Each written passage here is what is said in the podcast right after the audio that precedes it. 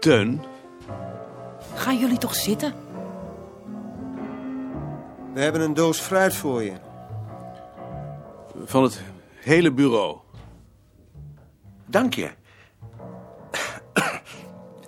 Bedankt ze. Hoe gaat het? Nogal belazerd. Je hebt het aan je hart. Wat houdt dat precies in? Ik wacht op opname. Ze weten het niet. Wat doet het dan? Of wat doet het niet? Het eh, klopt te langzaam. Voelt me al een hele tijd rot. Een sporthart. Ja. Hoe gaat het op het bureau? Ik heb je vandaag vervloekt, want ik moest, nu jij er niet bent, de begroting maken. Gewoon dezelfde cijfers als het vorig jaar. Ik heb de postpublicaties geschrapt. Het geeft glazen. Dat pikt Anton niet. Is er al.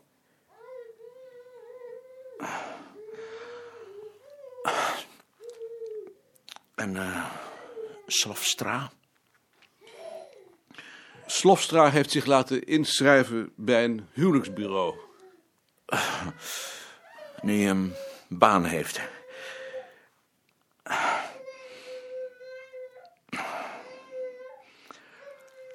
Doe Slofstra mijn groeten.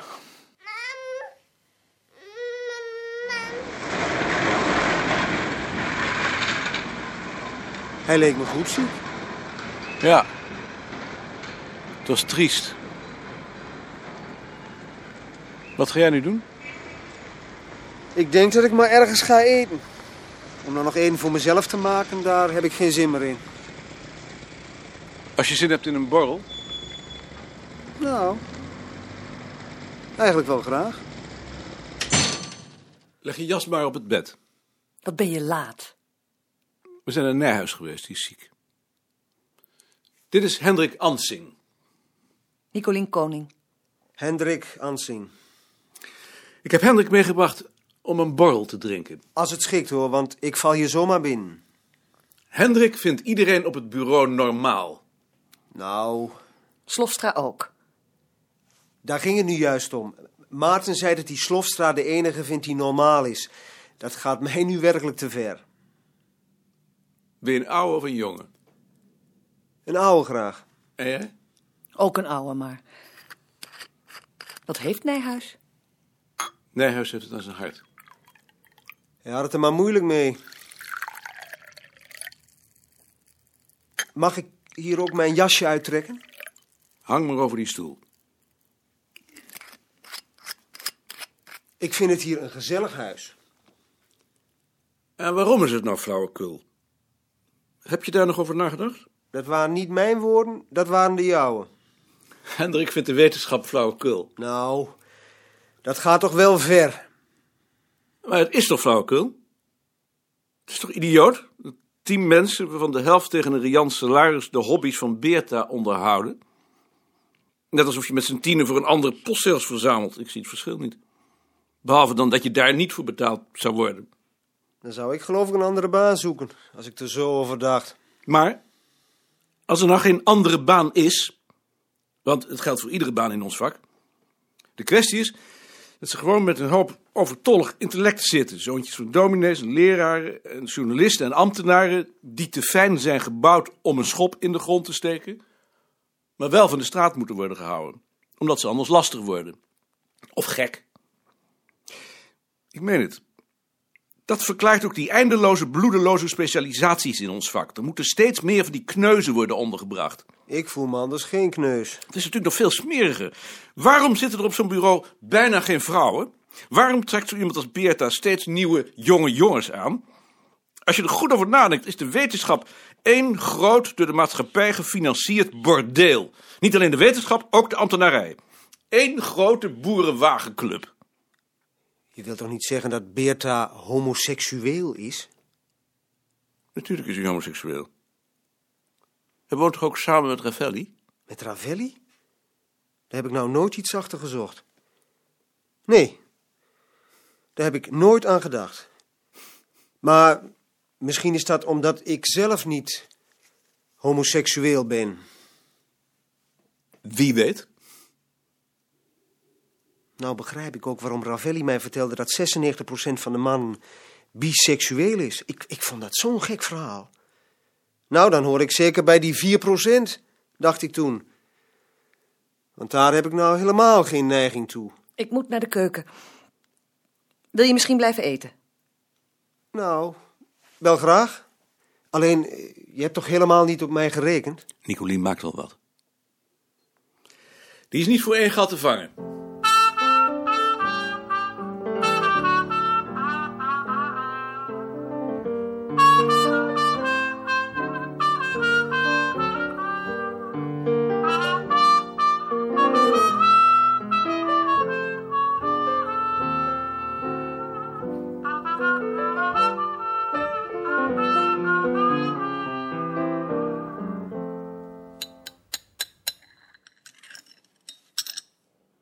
Jij bent toch op de hoogte van de zaak met Pietje Valkenburg?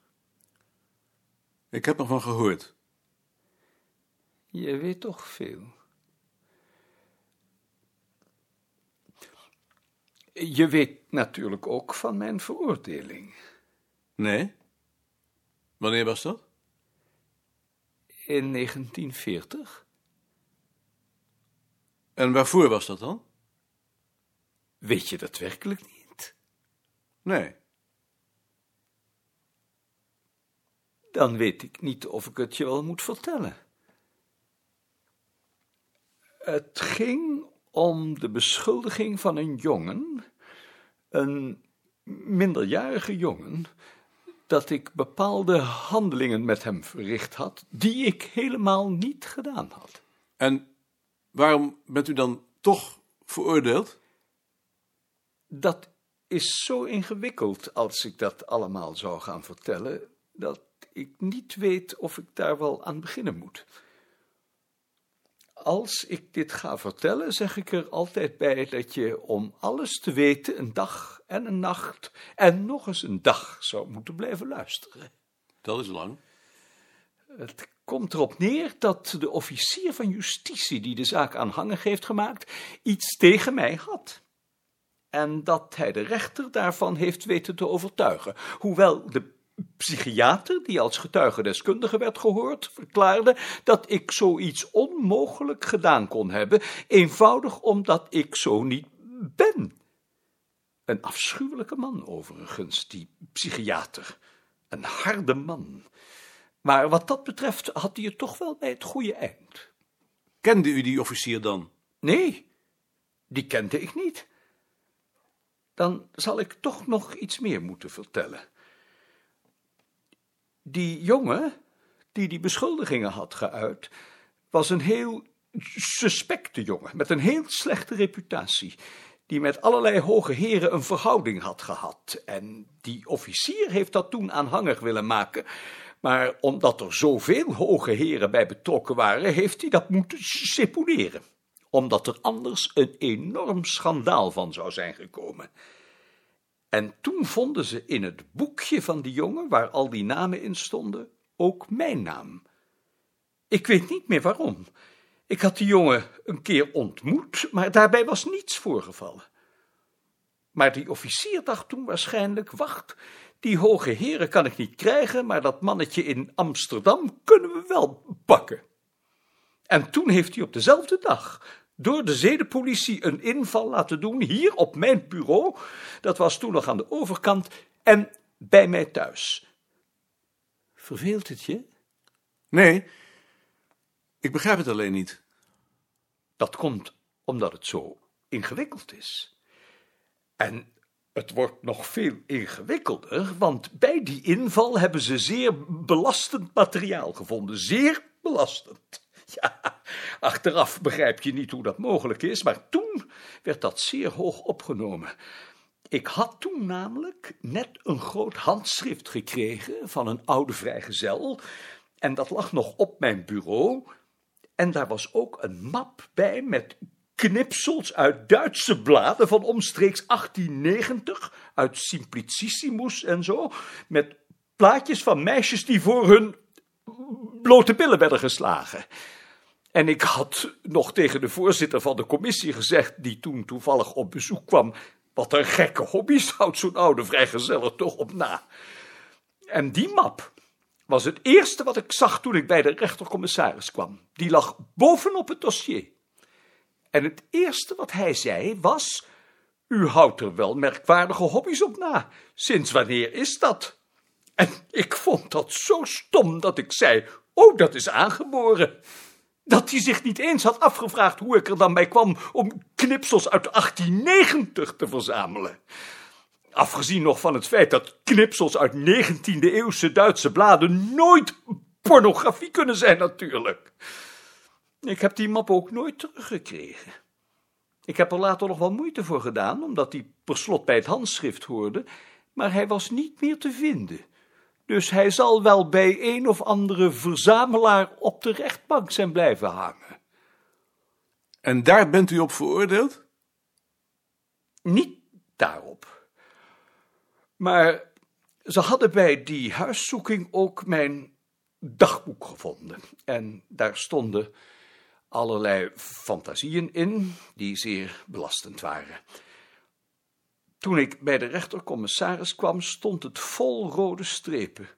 Maar die had het wel goed door, want die zei meteen: dat dagboek is literatuur. Dat leg ik opzij. Maar evengoed is er op de rechtszitting uitgeciteerd.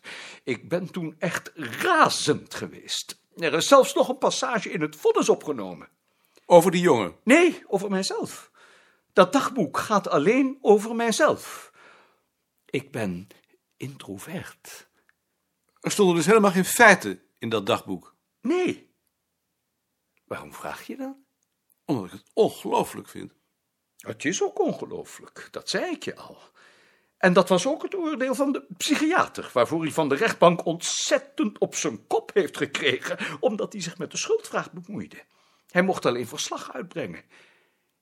Maar ik verveel je? Nee, u verveelt me niet. Ik begrijp het alleen niet. Die psychiater heeft dus dat dagboek gelezen. Die psychiater heeft dat dagboek gelezen. Op een dag kwam hij in mijn cel, want ik zat toen in voorarrest, en toen zei hij: U houdt dagboek. Mag ik dat lezen?